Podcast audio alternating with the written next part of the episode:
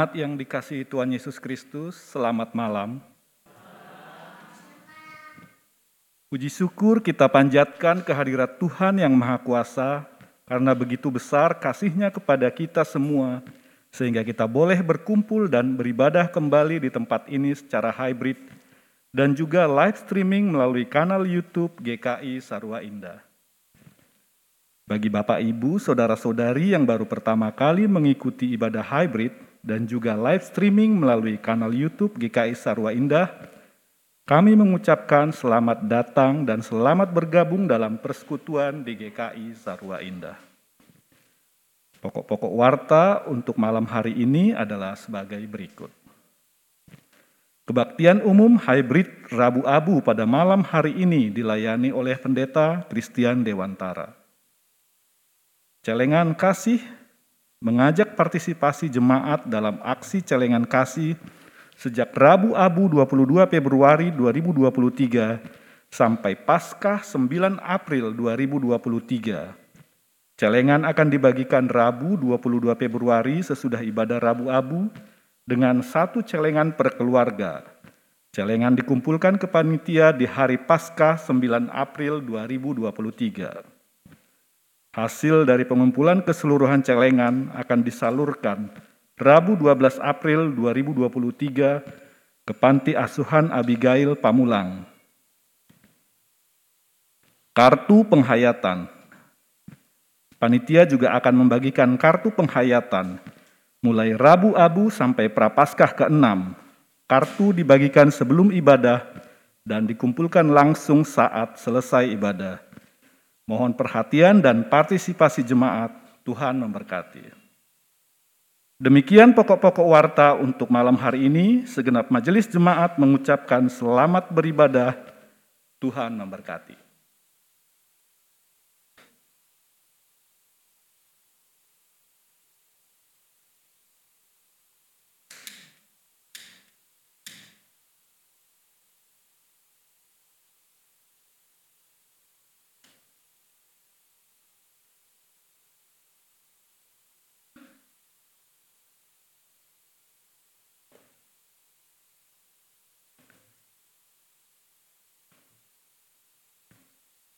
Saudara yang dikasihi Tuhan, kita masuki ibadah Rabu Abu dengan hati yang tertuju kepada Tuhan. Lupakan siapa diri kita, arahkan hati untuk menyembah Dia. Umat kami undang untuk bangkit berdiri, kita bernyanyi dari PKJ 13 bait 1 dan 2, kita masuk rumahnya.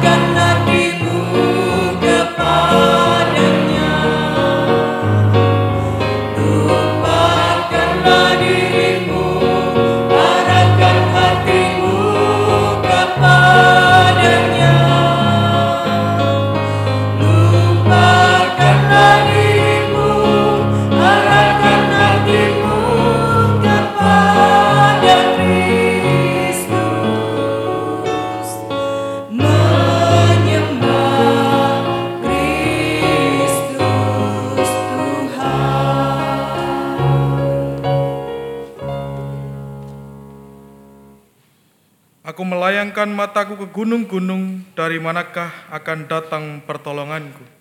Pertolonganku ialah dari Tuhan yang menjadikan langit dan bumi. Ia takkan membiarkan kakimu goyah, penjagamu tidak akan terlelap.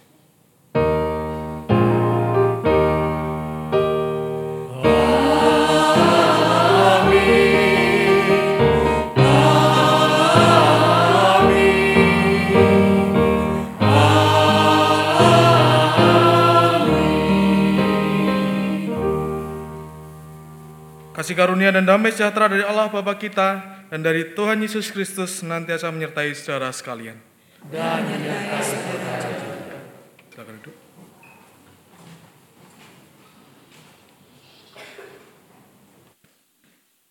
Rabu Abu menjadi tanda memasuki masa Prapaskah. Sebagai masa untuk bertobat yang disertai tindakan berdoa, berpuasa, dan bersedekah. Yesus mengingatkan para muridnya agar tidak melakukan ibadah tersebut untuk dilihat orang atau sebagai kewajiban, apalagi dengan kemunafikan. Melakukan ibadah haruslah dengan tulus dari hati dan sebagai bentuk memberi diri didamaikan oleh Allah. Berbaliklah kepada Tuhan, bukan hanya sekedar ajakan, melainkan perintah bagi orang percaya untuk bersedia memberikan dirinya hidup sebagai orang percaya yang dengan tulus melakukan semua ketetapan dan ajaran Tuhan Allah.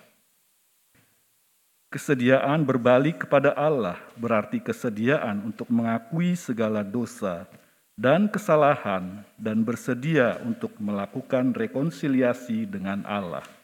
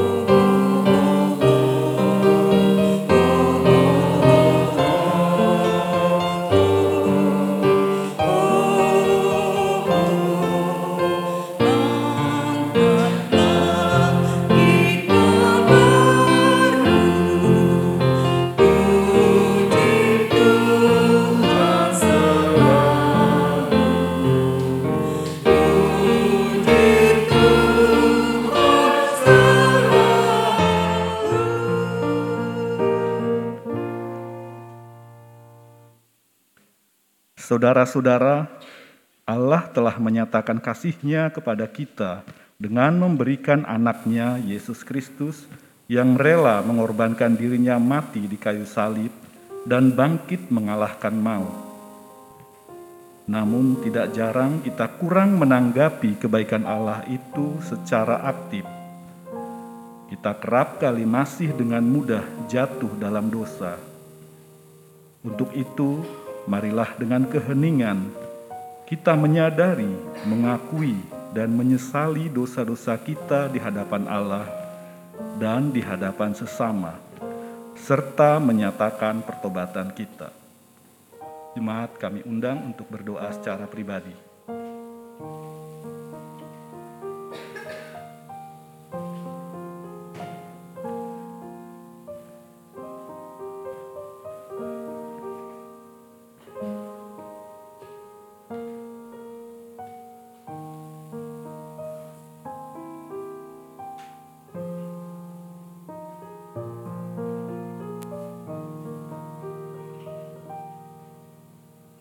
Allah yang berlimpah kasih, kami sungguh menyesal karena kami kurang aktif dalam menanggapi kasih-Mu.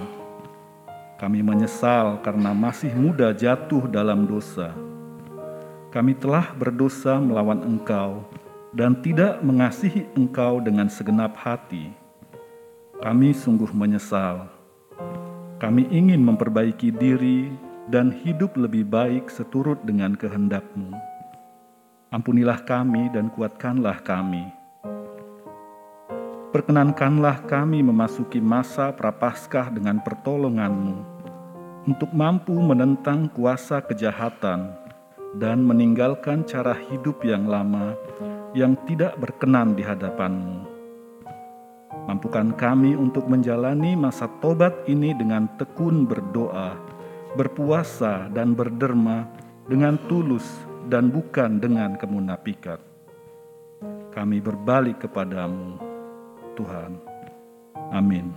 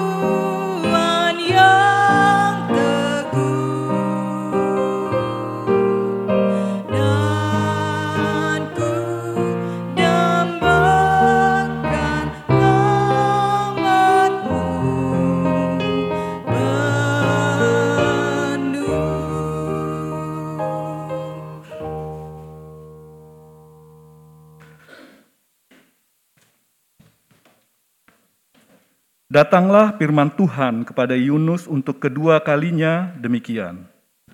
Bangunlah, pergilah ke Niniwe, kota yang besar itu, dan sampaikanlah kepadanya seruan yang kupirmankan kepadamu. Bersiaplah Yunus lalu pergi ke Niniwe sesuai dengan firman Allah. Niniwe adalah sebuah kota yang mengagumkan besarnya. Tiga hari perjalanan luasnya. Mulailah Yunus masuk ke dalam kota itu sehari perjalanan jauhnya, lalu berseru, Empat puluh hari lagi maka Niniwe akan ditunggang balikkan.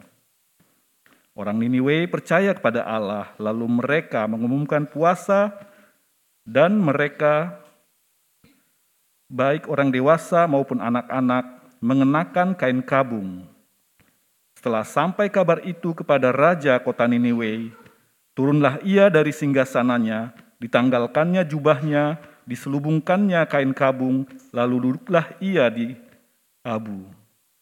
Lalu atas perintah raja dan para pembesarnya, orang memaklumkan dan mengatakan di Niniwe demikian. Manusia dan ternak, lembu sapi dan kambing domba tidak boleh makan apa-apa, tidak boleh makan rumput dan tidak boleh minum air.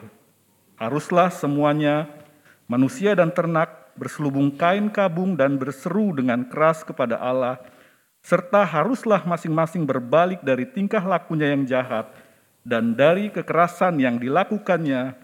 Siapa tahu mungkin Allah akan berbalik dan menyesal serta berpaling dari murkanya yang menyala-nyala itu sehingga kita tidak binasa. Ketika Allah melihat perbuatan mereka itu, yakni bagaimana mereka berbalik dari tingkah lakunya yang jahat, maka menyesallah Allah karena malapetaka yang telah dirancangkannya terhadap mereka, dan ia pun tidak jadi melakukannya. Kami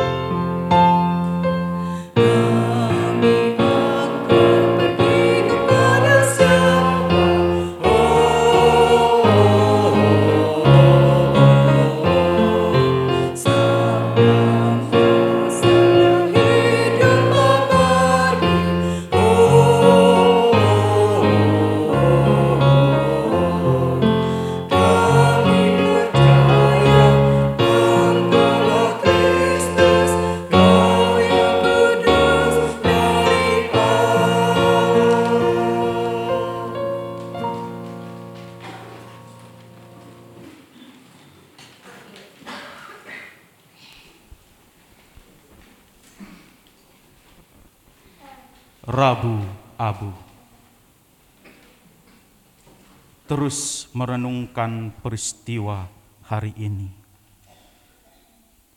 Dari manakah asalnya? Mengapa menjadi gerbang muka peristiwa kasih? Sekaligus peristiwa pahit penuh derita Sang Kristus bagi dunia teringat akan seorang laki-laki dari tanah Us bernama Ayub. Seorang yang saleh, hampir seluruh hidupnya jauh dari kejahatan. Dianugerahi banyak hal oleh Allah, oleh karena ketaatannya. Tujuh anak laki-laki dan tiga anak perempuan yang baik dan penurut. Kekayaannya sangat berlimpah. Berkat Tuhan mengalir dalam kehidupannya. Bahkan sungai pun tak sederas itu. Kala itu, si iblis menantang ketaatan Ayub di hadapan Tuhan. Tuhan mengizinkan Ayub untuk dicoba. Seberapa jauh ia sungguh taat? Seberapa kuat kesalehannya itu? Mulai dari kematian hewan-hewan ternak miliknya yang aneh penyebabnya. Lalu juga kematian kesepuluh anaknya yang janggal dan mengejutkan. Bahkan tidak hanya sampai di situ. Sakitnya yang jijik dan mengerikan. Sulit untuk diterima nalar. Satu persatu kerabat terdekat dan orang-orang yang dikasihinya pergi meninggalkannya. Pada saat ia berusaha untuk tetap pada kesetiaan Ayub dari tanah Us itu hanya dapat berdiri lemas. Dan lalu mengoyakkan jubahnya yang tersisa. Ia mencukur kepalanya lalu bersujud ke tanah dalam penyembahan dan pasrah diri. Sungguh mengesankan ucapan hati dan mulutnya. Dengan telanjang aku keluar dari kandungan ibuku. Dengan telanjang juga aku akan kembali ke dalamnya. Tuhan yang memberi, Tuhan yang mengambil, terpujilah Tuhan. Orang seperti apakah dia? Tidak mengutuki kesalehannya, imannya, kesetiaannya, dan ketaatannya. Lantas siapakah kita? Apakah kita yang bukan karena perkara sesukar itu dengan mudah mengutuk akan segala sesuatu? Rabu-abu, kita hadir tanpa apa pun, tanpa mengenakan apa pun. Jika kini kita hidup sebagaimana kita ada, memiliki rupa-rupa harta, memakai rupa-rupa pakaian, maka semua itu karena Tuhan. Kita mungkin abu apabila tanpa Tuhan. Abu ini adalah tanda kelemahan kita, tetapi juga tanda bahwa kita asal dan akan kembali kepada Tuhan. Maka terpujilah Tuhan.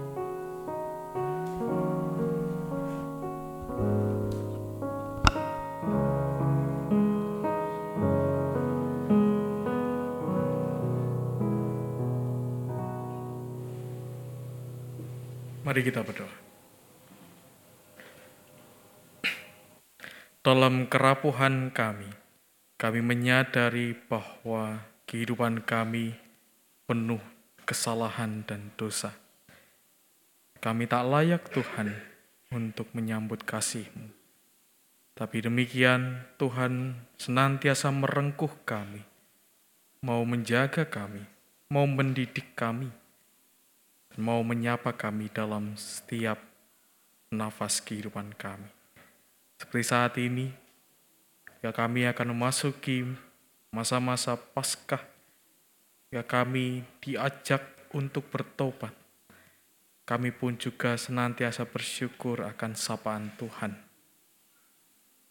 Biarlah hambamu yang jauh dari sempurna ini boleh juga menjadi perpanjangan tangan untuk menyampaikan firman Tuhan dan agar kami semua boleh juga merenungkan firman Tuhan sebagai sapaan yang merengkuh kami. Amin.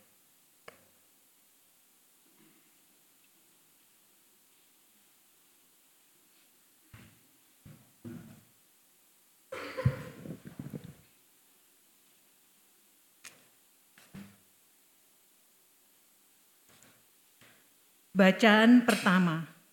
Bacaan pertama diambil dari Yoel 2 ayat 1 sampai 2, dilanjutkan dengan ayat 12 sampai dengan ayat yang ke-17.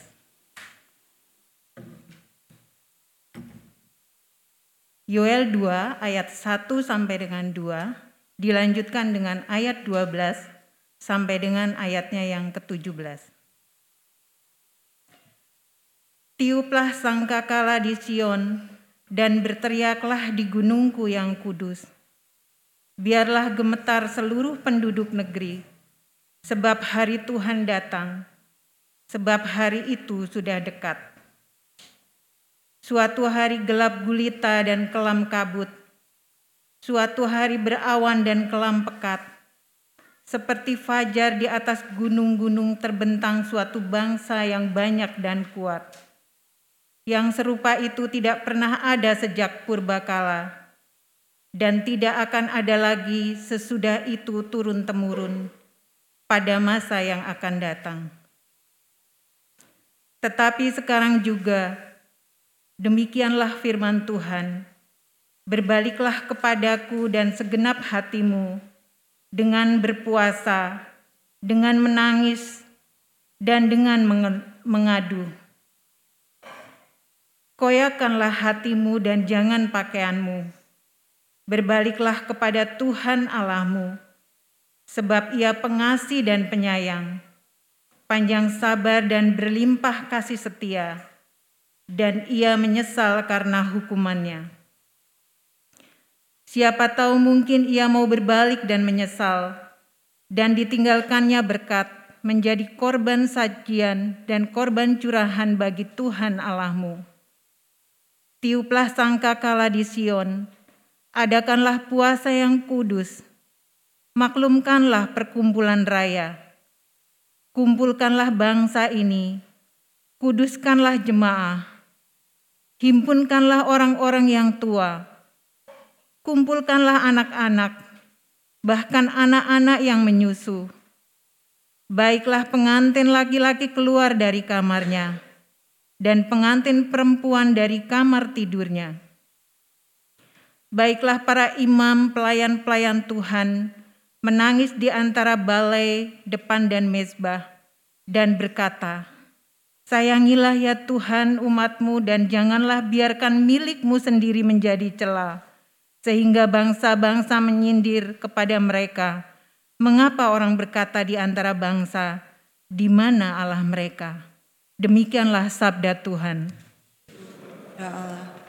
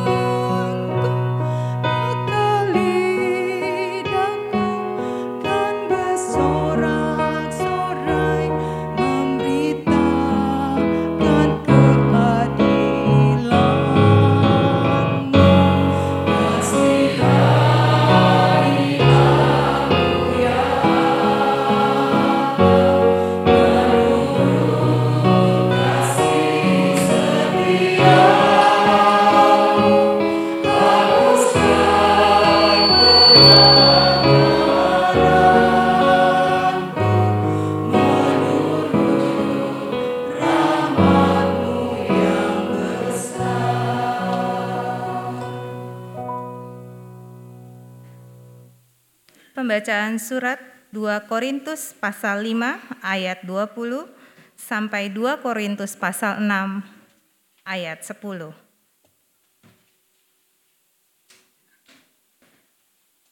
Jadi kami ini adalah utusan-utusan Kristus. Seakan-akan Allah menasihati kamu dengan perantaraan kami. Dalam nama Kristus, kami meminta kepadamu, berilah dirimu didamaikan dengan Allah. Dia yang tidak mengenal dosa, telah dibuatnya menjadi dosa karena kita, supaya dalam dia kita dibenarkan oleh Allah. Sebagai teman-teman sekerja, kami menasihatkan kamu supaya kamu jangan membuat menjadi sia-sia kasih karunia Allah yang telah kamu terima. Sebab Allah berfirman, "Pada waktu aku berkenan, aku akan mendengarkan engkau, dan pada hari aku menyelamatkan, aku akan menolong engkau." Sesungguhnya, waktu ini adalah waktu perkenanan itu. Sesungguhnya, hari ini adalah hari penyelamatan itu.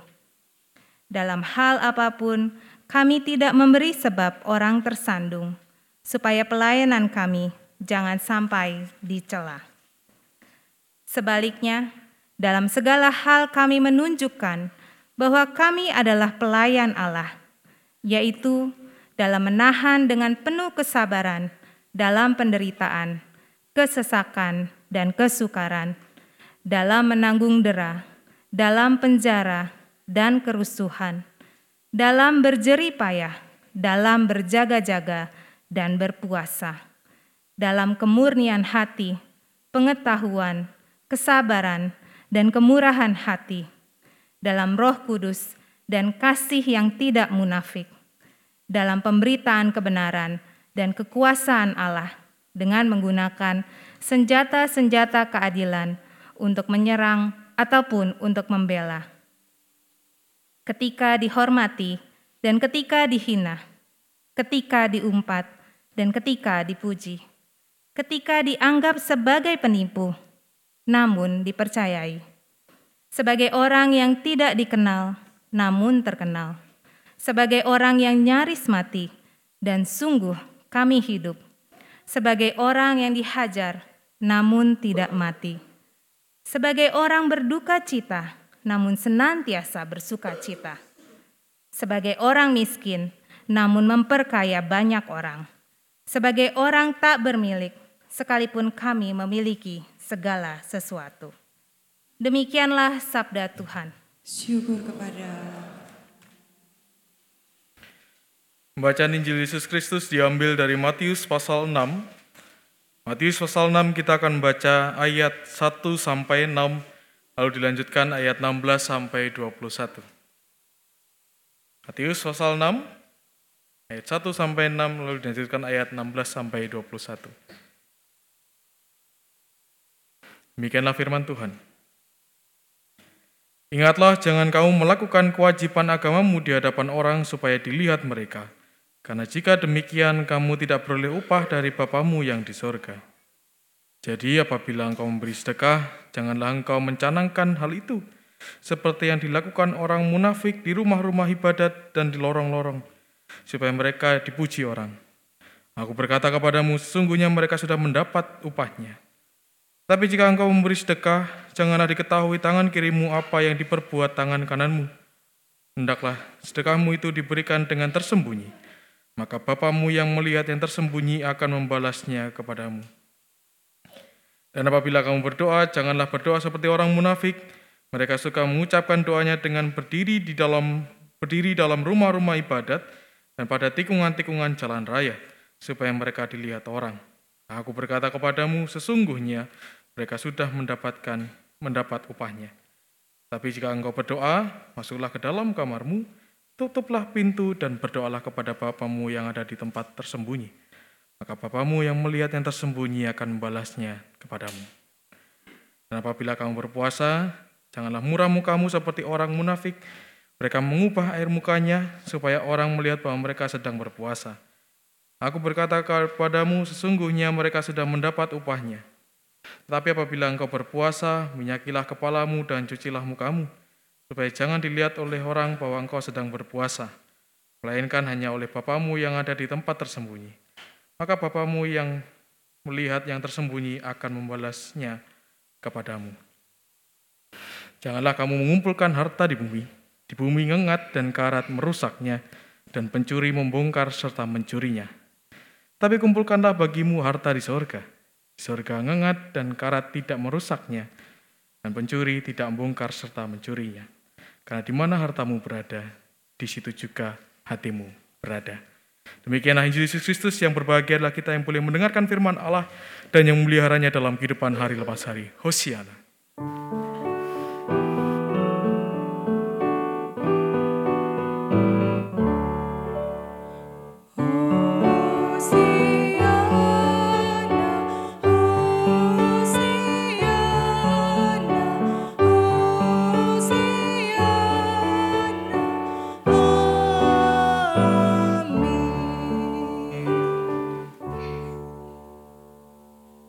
Bapak Ibu kalau ditanya, apa tanda yang paling meyakinkan dari sebuah pertobatan?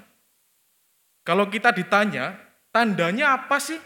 Kalau misal si A atau diri kita ini sudah benar-benar bertobat. Ada? Yang terlihat misal stempelnya di sini gitu? Tidak ada. Atau pakai apa? Misal bajunya, saya sudah bertobat gitu.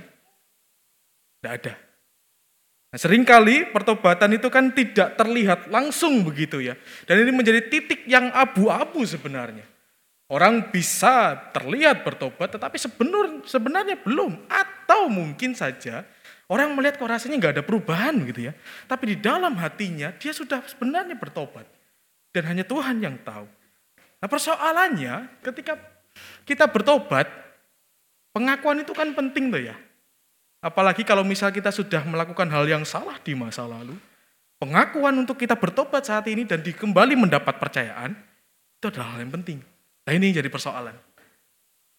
Karena kita membutuhkan pengakuan dan penerimaan itu, maka simbol-simbol pertobatan sering kali dipakai dan muncul. Kalau kita membaca dalam Yoel tadi digambarkan di sana, Berbaliklah kepadaku dengan segenap hatimu, dengan berpuasa, dengan menangis dan dengan mengaduh. Koyakanlah hatimu dan jangan pakaianmu. Berbaliklah kepada Tuhan sebab ia pengasih dan penyayang, panjang sabar dan berlimpah kasih setia. Di sana dikatakan berbaliklah kepada Allah dengan segenap hati dan jangan koyakkan pakaian. Di dalam kehidupan Israel, ibu bapak saudara, kalau bertobat itu, masa-masa berkabung bertobat itu mereka akan mengoyak pakaiannya, disobek begitu. Atau memakainya benar-benar orang langsung bisa melihat, oh oke orang itu sedang berkabung, oh oke itu sedang bertobat. Gitu. Itu menjadi sesuatu yang sudah seperti kesepakatan umum begitu. Jadi menjadi, memakai pakaian yang terkoyak itu tanpa beri, diberitahu pun, tanpa mengatakannya pun, orang akan langsung bisa melihat, oh orang ini sedang bertobat. Nah, tapi persoalannya apa yang dikatakan oleh Yoel ditentang begitu rupa karena sering kali yang terkoyak hanya bajunya saja. Dia memakai topeng, orang lalu bertobat hanya sebagai sebuah dalam tanda kutip formalitas. Orang bertobat hanya sebagai sebuah pembuktian atau sebagai sesuatu yang biar orang lain melihat, aku ini baik, sudah bertobat. Oleh karena itu Yoel mengatakan, koyakkanlah hatimu. Nah, dalam bahasa aslinya hati yang dipakai ini memakai kata labai yang artinya lebih luas daripada hati. Ibu bapak saudara yang uh, lebih pandai berbahasa Inggris daripada saya mungkin bisa memaknai lebih dalam. Labai artinya di titik tertentu berbicara tentang inner man. Jati diri. Hal yang terdalam dalam manusia. Jadi yang diminta oleh Yoel hanya tidak hanya sekedar baju, tapi benar-benar tentang pikiran, keyakinan, bahkan nilai yang harus dikoyakkan. Kepribadian bahkan mungkin kebanggaan seseorang yang harus dikoyakkan. Ini kan menjadi sesuatu yang berat. Itu berarti juga pertobatan ini berbicara tentang seluruh tubuh kita. Bukan hanya tentang apa yang kita pakai, bukan hanya tentang apa yang lalu bisa dirasakan dan dilihat orang. Nah itu berarti seharusnya pertobatan itu harus berangkat dari apa? Berangkat dari diri kita sendiri. Bukan memakai standar orang lain. Maksudnya apa? Kita yang paling tahu apa dosa kita. Kita yang paling tahu apa kesalahan kita. Misalnya saya, saya ini paling tidak bisa sabar. Walaupun mungkin ibu bapak melihat saya cuman pengengas, pengenges itu ya, cuman dia apa, tapi dia itu, hmm, gitu. Saya ini orang yang tidak bisa sabar. Dan seharusnya kalau saya menyadari itu, itu yang harus menjadi titik berangkat saya harus bertobat. Bukan kok tentang harus misal berpakaian apa, berperilaku seperti apa, tetapi mengenali betul apa yang jadi persoalan dalam hidup kita. Dan di situlah titik kita berangkat bertobat. Itu yang dimau oleh Yoel. Kita bertobat dengan keseluruhan hati, tahu mana yang salah dan harus dibenarkan. Nah, lalu persoalannya, bertobat itu kan tidak hanya berbicara tentang apa yang tidak terlihat, tetapi juga berbicara tentang ritual. Dalam bacaan kita tadi dalam Injil digambarkan ada tiga hal yang menjadi ritual penting bagi orang Yahudi ketika mereka mau memasuki masa pertobatan. Pertama adalah sedekah, kedua berdoa, dan yang ketiga puasa. Nah, kalau kita melihat di dalam pasal 6, kita melihat di sana di ayat 2 misalnya, jadi apabila engkau memberi sedekah, janganlah engkau mencanangkannya, mencanangkan hal itu. Seringkali orang salah membaca ini. Kemarin ketika kami persiapan di sekolah minggu, ini menjadi sebuah materi pembacaan dan ini menjadi sebuah diskusi gitu. Bahwa mencanangkan ini bukan kok berarti kita tidak boleh merencanakan kita memberi apa kepada seorang. Lah ya tentu harus direncanakan tuh ya, memberi itu. Apalagi kalau memberinya itu ada sesuatu yang spesial, tentu pasti ada persiapan. Betul kan? Tidak bisa toh tiba-tiba kita beri nih tanpa ada rencana. Yang maksudnya mencanangkan itu adalah ketika kita memberi jangan seperti digembar-gemborkan. Maksudnya adalah ketika kita memberi jangan sampai kita justru memakai speaker, hei aku mau memberi lo lihatlah ke aku. Ini yang mau dikatakan sebenarnya. Jadi ketika Tuhan berbicara tentang memberi sedekah, sesuatu yang sebenarnya sangat dikenali oleh orang Israel, tetapi caranya rubahlah. Jangan di depan banyak orang, jangan diinfokan ke banyak orang. Kalau bisa bahkan dikatakan di sana apa yang dilakukan tangan kananmu, tangan kiri, maaf, apa yang diketahui tangan kirimu, tidak boleh. Tangan kanan memberi apa, tangan kiri tidak boleh. Tahu apa? Itu kan hal yang tidak mungkin sebenarnya. Tuh. Oh ini bersama-sama kok gerakannya. Ini tidak bisa istilahnya dicopot dulu di rumah begitu ya. Ini ngasih kan tidak bisa. Itu artinya kenapa? Bahwa memberi itu harusnya empat mata saja. Ya kalaupun sama pasangan kita ya enam, empat, ya, enam pasang mata begitulah ya. Ini yang diinginkan oleh Tuhan. Lalu yang kedua adalah hal berdoa. Nah ibu bapak saudara, orang Israel itu mempunyai tiga waktu berdoa setiap hari. Yang pertama di pagi hari itu istilahnya mereka syaharit, lalu di siang itu istilah mereka adalah minha, dan di malam hari itu maghrib. Gitu. Nah tiga waktu ini menjadi tiga waktu yang setiap hari mereka lakukan. Doanya itu mereka lakukan setiap hari tiga kali itu di bait Allah. Lalu apa yang menjadi persoalan kok sampai Tuhan mengatakan mereka suka mengucapkan doanya dengan berdiri di dalam rumah-rumah ibadat dan pada tikungan-tikungan jalan raya.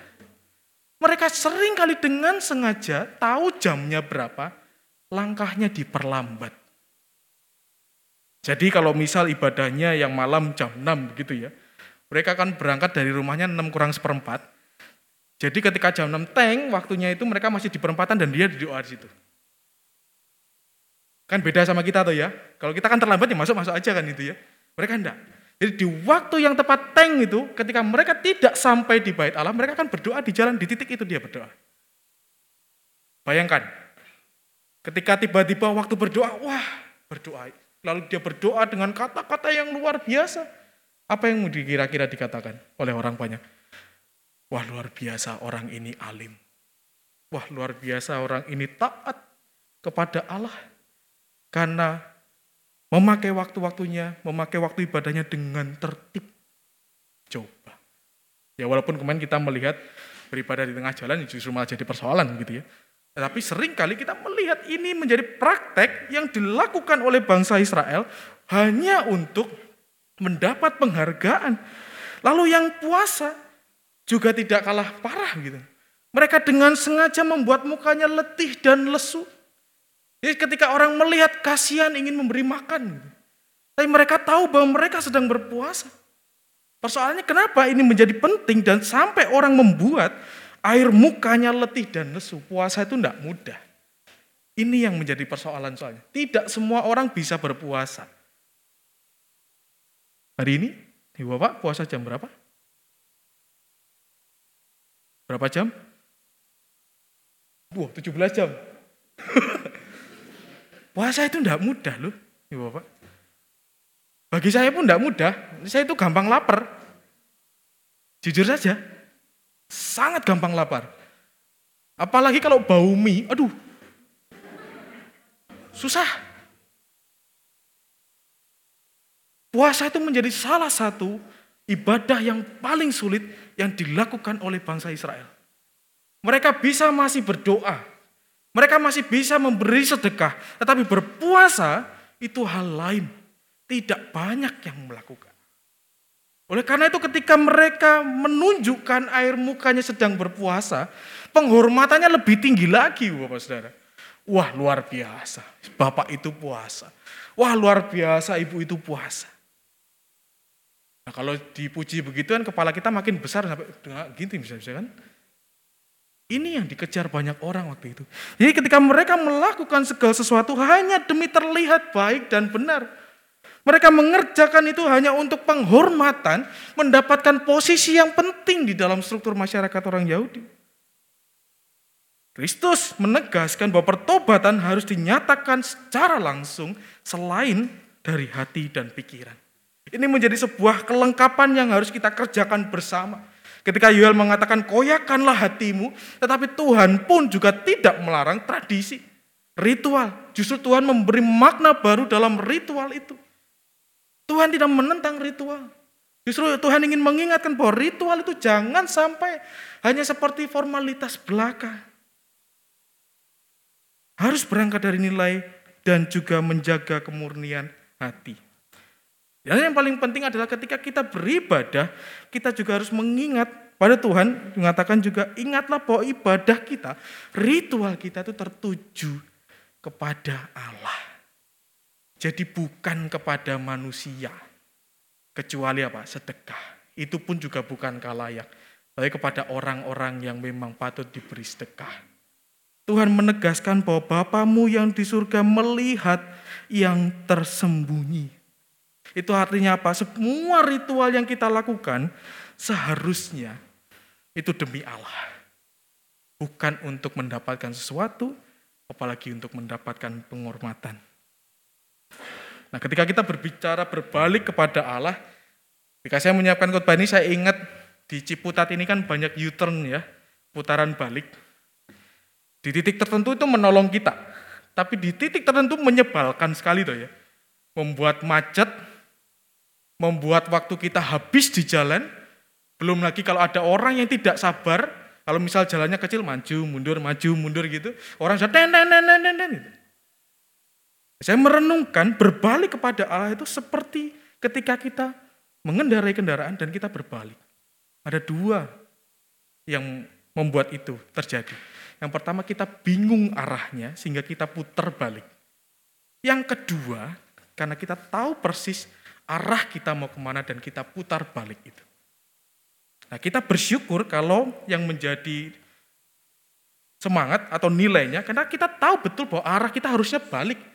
Maka dengan putaran balik itu cepat. Kita sudah memperhitungkan, oke, okay, di situ putar balik, oke, okay, aku akan putar balik. Nah persoalannya kalau itu bingung. Ya, contohnya saya sendiri. Saya itu kan paling susah menghafal jalan. Berapa kali kesempatan ketika saya, contohnya kayak melayani begitu di Cira berapa waktu yang lalu, itu kan harus putar balik kan ada verboden. Saya sama istri sampai kesasar empat kali. Udah lihat mapnya, oh ini putaran balik nih. Udah pelan tiba, loh, sudah bablas gitu. Maju lagi, pelan lagi sampai diklaksonin belakang, bablas lagi sampai akhirnya kami muterin enggak tahu itu terminal atau apa di Transjakarta. Hampir terlambat jadinya. Ya karena ramai jalannya. Berbalik kepada Allah sering kali kita lakukan dalam konteks seperti itu. Karena apa? Kita sedang bermasalah, kita sedang menghadapi pergu- pergumulan dan kita memutuskan udahlah balik aja kepada Tuhan deh. Karena kita lagi banyak persoalan, ya udahlah balik aja kepada Tuhan. Tapi akhirnya apa? Karena nilainya dari situ berbaliknya tidak lancar. Justru malah sering kali merepoti orang banyak. Justru sering kali malah membuat apa? Orang lain marah dan bingung. Karena berbaliknya kepada Tuhan kita hanya untuk pementingan kebutuhan kita sendiri. Berbeda dengan ketika kita menyatakan dan meyakini dengan iman bahwa berbalik kepada Allah itu menjadi hal yang benar, maka putranya sudah akan langsung lancar. Tidak akan mengganggu orang. Kalaupun mengganggu orang itu sedikit, kita pun dengan yakin akan melangkah. Nah persoalannya, mana yang kita lakukan ketika kita bertobat? Apakah hanya demi masalah kita selesai? Ataukah hanya ketika kita bertobat, kita menyadari bahwa hidup kita sepenuhnya karena Tuhan? Pertobatan itu harus terjadi setiap hari. Jangan ibu bapak saudara, karena kemarin saya sudah buat artikel tentang berpuasa dan bertobat. Bapak ibu saudara berpuasa sampai 40 hari, tapi setelah itu selesai, balas dendam. Wah ini repot ini. Misalnya nih, misalnya, wah saya memutuskan puasa tidak makan daging misalnya. Karena saya sangat menyukai daging B2 misalnya. Misalnya. Ditahan-tahan sampai 40 hari. Ketika Paskah, nah ini berangkat langsung ke bakmi. Langsung pesan lima ya gitu. Saya sudah lama nggak makan daging ini hari pembalasan ini. Wah repot kalau kayak gitu caranya. Kalau pertobatan kita hanya sebagai sesuatu yang sementara untuk menunda segala sesuatu agar nanti bisa lebih bebas, ya percuma. Ya kita sama aja kayak orang Yahudi. Melakukan itu hanya sebuah ritual atau mungkin ya karena sungkan gitu ya. Wah masa pendetanya sudah membuat artikel tentang puasa, aku enggak puasa, waduh malu ya, ya udahlah bertobat aja lah, ya udahlah berpuasa aja lah. Tapi di dalam hatinya, ah cuma 40 hari, gampang. Nanti setelah Paskah, apalagi Paskahnya subuh, jadi bisa berangkat setelah ke gereja, ke mall bisa lama, makan segala macam atau apa. Wah ini jadi persoalan. Kalau cara hidup beriman kita seperti itu. Lalu apa yang digumulkan ketika kita berbicara berbalik kepada Tuhan? Apa tandanya orang benar-benar ber, bertobat? Orang benar-benar berubah, yaitu ketika dia hidup dalam kasih dan mengasihi. Dan prosesnya itu berjalan natural. Bukan seperti sesuatu yang dipaksakan, yang tiba-tiba sangat radikal, lalu kita sampai tidak kenal orang itu.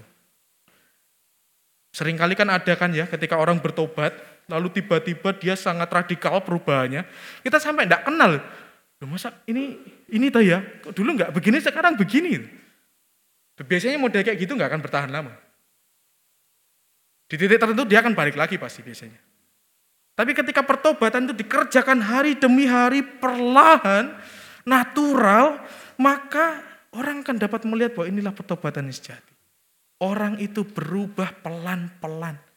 Orang itu walaupun mungkin di titik tertentu masih menjengkelkan, tetapi ada perubahan kok. Orang bisa mengenal itu. Jadi pertobatan yang harus kita gumulkan dan kita nyatakan di Bapak Saudara, bukan sekali lagi, bukan agar kita terlihat berbeda. Bukan agar kita terlihat lebih alim, enggak. Tapi apa? Biar kita menyadari bahwa hidup kita karena Tuhan. Dan kita hidup di dalam kasih. Berat? Ya. Godaannya banyak. Nah puasa ini adalah menjadi latihan dari godaan-godaan itu. Makanya saya memberi banyak uh, opsi bentuk puasa itu menjadi sesuatu hal yang bisa kita pertimbangkan dan kita gumulkan. Apa yang mau kita latih. Kita mengenali apa yang menjadi kelemahan kita. Dan dari situ kita bisa merubah hidup kita pelan-pelan. Dan kita dapat berbalik kepada Tuhan. Natural, bukan dipaksa. Kita menyadari bahwa perubahan itu penting, tapi kita mengerjakannya dalam kemerdekaan. bukan seperti seseorang yang dalam penjara. Kita mengerjakan itu karena kita menyadari bahwa ini yang benar. Tuhan memberkati.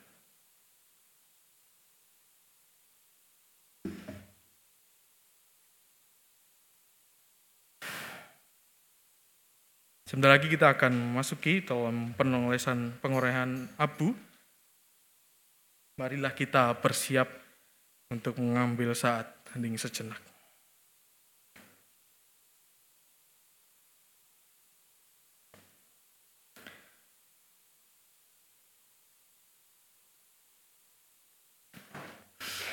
Abu dipakai sebagai simbol ungkapan penyesalan dan pertobatan, sekaligus sebagai simbol pengharapan akan kebangkitan, di mana segala sesuatu akan lenyap dan hangus oleh nyala api dan digantikan oleh bumi dan langit yang baru.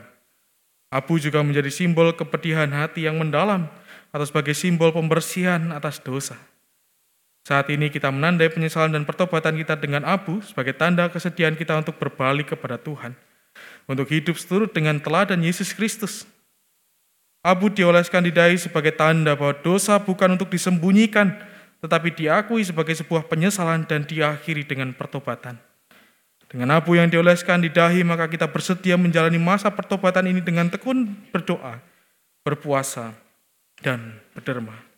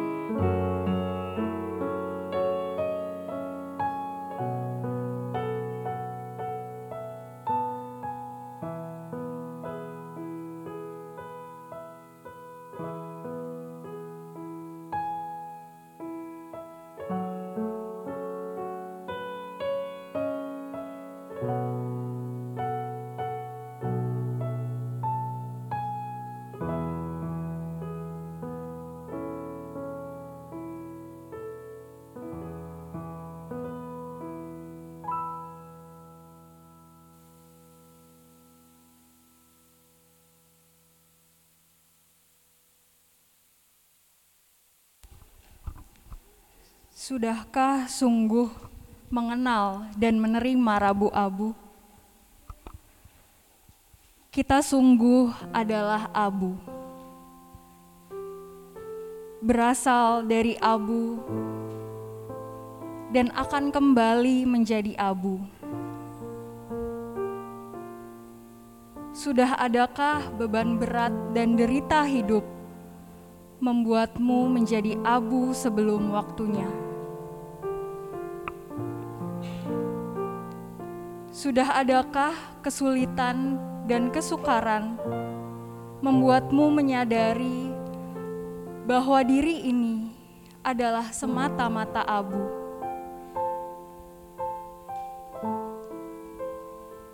Apakah badai kehidupan keluarga telah membuatmu menjadi abu?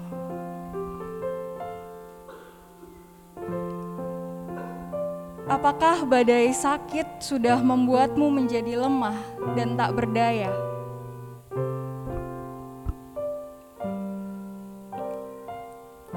Apakah kesulitan ekonomi meluluh lantahkan imanmu? Sudahkah ketakutan dan kekhawatiran membuatmu merasa kehilangan arah? Kita memang adalah abu,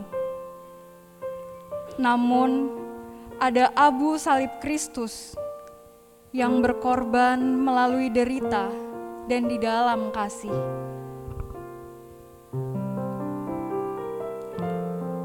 Apakah rabu abu itu bagimu? Apakah ada artinya bagi setiap kita yang berdosa? Bagi setiap kita yang imannya digoncang oleh keinginan diri tanpa batas. Apakah berarti bagi kita yang mewajarkan dan menganggap sederhana dosa?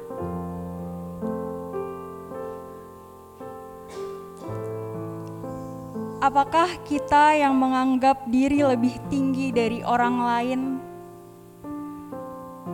Acap kali mengutuki orang lain, melukai hati sesama dengan sengaja dan rela atau yang memutar balikan kebenaran untuk keagungan pribadi, pantas menerima tanda salib Kristus yang berasal dari abu itu.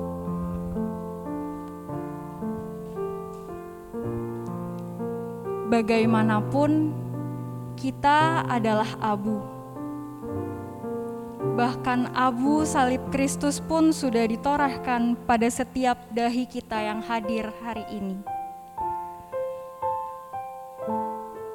Maka mulailah peristiwa suci Paskah ini dengan hati yang mulia. Hati yang menyadari bahwa kita ini hanyalah abu tanpa arti. Namun kita adalah abu yang membuat Sang Allah dalam Kristus menyerahkan diri. Abu yang tidak dibiarkannya dalam derita dan dosa. Saudaraku, selamat menghayati Rabu Abu.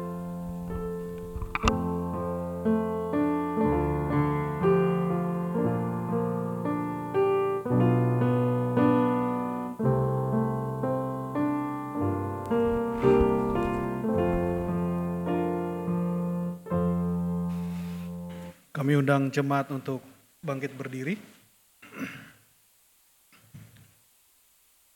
Marilah kita bersama dengan umat Allah di masa lalu, masa kini, dan masa depan mengingat pengakuan pada baptisan kita menurut pengakuan iman rasuli.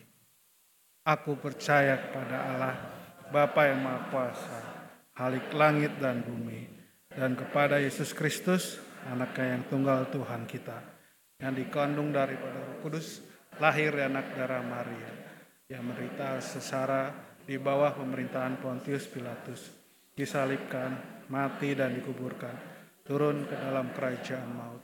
Pada hari yang ketiga, bangkit pula dari antara yang mati, naik ke sorga, duduk di sebelah kanan Allah, Bapa yang Maha Kuasa. Dan dari sana ia akan datang untuk menghakimi orang hidup dan yang mati. Aku percaya pada Roh Kudus, gereja yang kudus dan am, persekutuan orang kudus, pengampunan dosa, kebangkitan orang mati, dan hidup yang kekal. Amin. Jemaat dipersilakan duduk.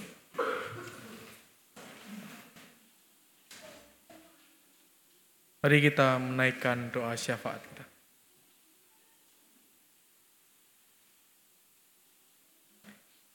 Kami bersyukur Tuhan untuk kasih setiamu sehingga kami boleh memasak, memasuki masa pertobatan ini dengan mengingat bahwa kami ini adalah debu.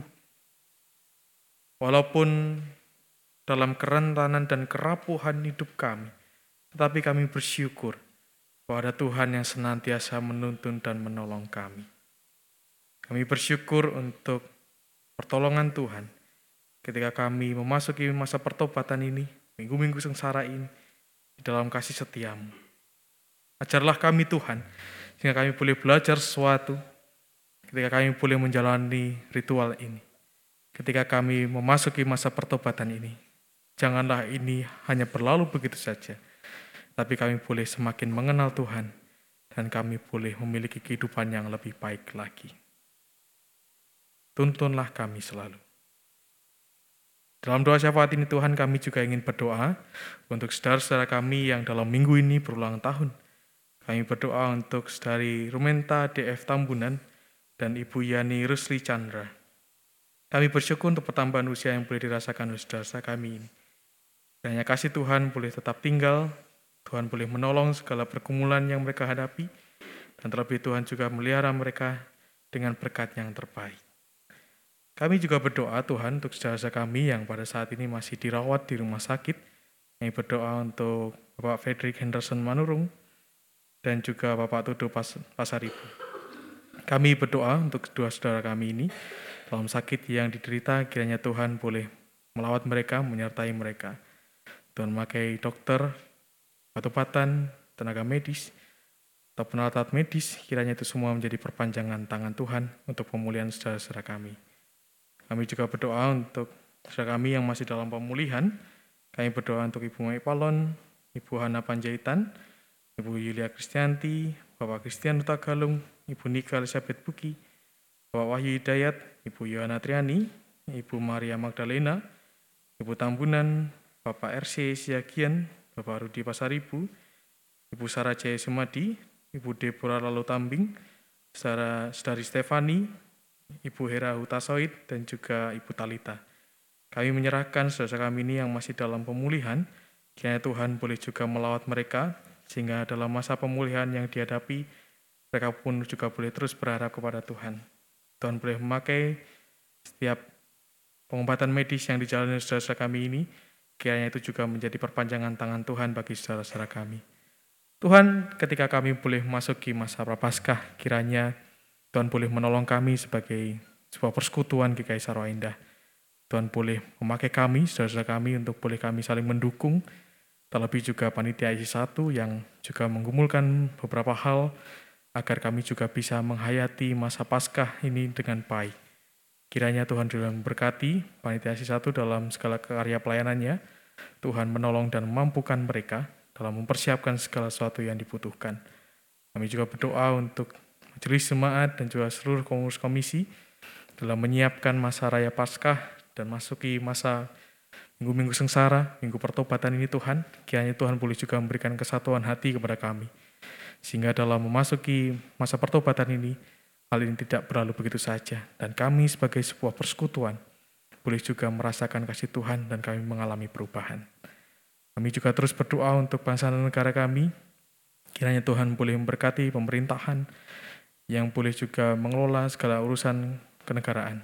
Kiranya segala kebijakan yang dilakukan itu semua boleh juga menjadi kebaikan bagi seluruh rakyat Indonesia termasuk juga kami. Kami juga berdoa untuk proses pemilu yang akan berjalan tahun depan. Kiranya Tuhan boleh juga terus memberikan kesatuan hati kami. Walaupun kami memiliki pandangan yang berbeda, ada banyak penilaian-penilaian kami yang mungkin berbeda. Kami juga menyerahkan cuaca yang akhir-akhir ini sangat tidak tertebak. Kiranya Tuhan boleh memberkatinya, agar negara kami boleh aman dari segala sesuatu yang buruk. Tuhan boleh menjauhkan dari bencana alam. Tuhan boleh menjaga kami, agar kami pun juga boleh dapat beraktivitas setiap hari dengan baik. Kami juga terus berdoa untuk saudara kami yang terdampak bencana alam. Kami berdoa untuk saudara kami di Turki. Kiranya Tuhan boleh menghibur, menguatkan, dan memulihkan mereka. Tuhan menolong pemerintahan Turki dan juga para relawan yang bahu-membahu untuk memulihkan keadaan di sana. Inilah seluruh syukur dan permohonan kami Tuhan. Kami alaskan dalam nama Tuhan Yesus Kristus, Tuhan yang telah mengajarkan kami berdoa demikian.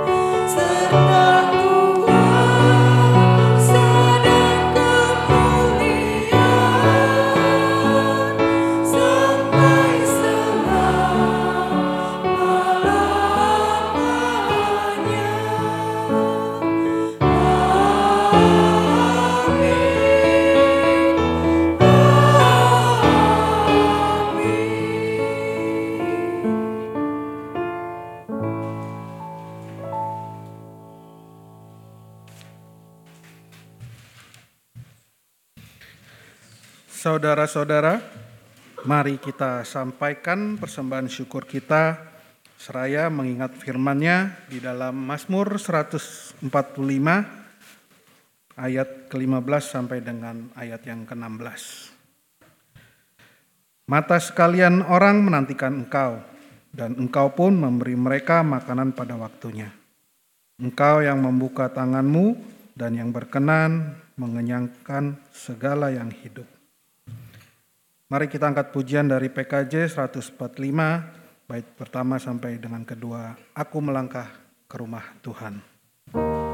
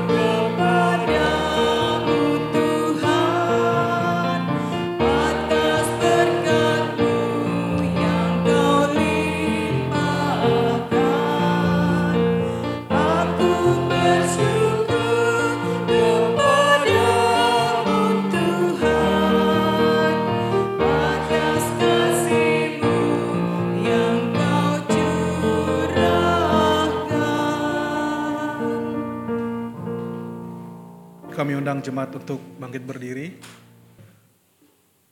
Mari kita satu di dalam doa.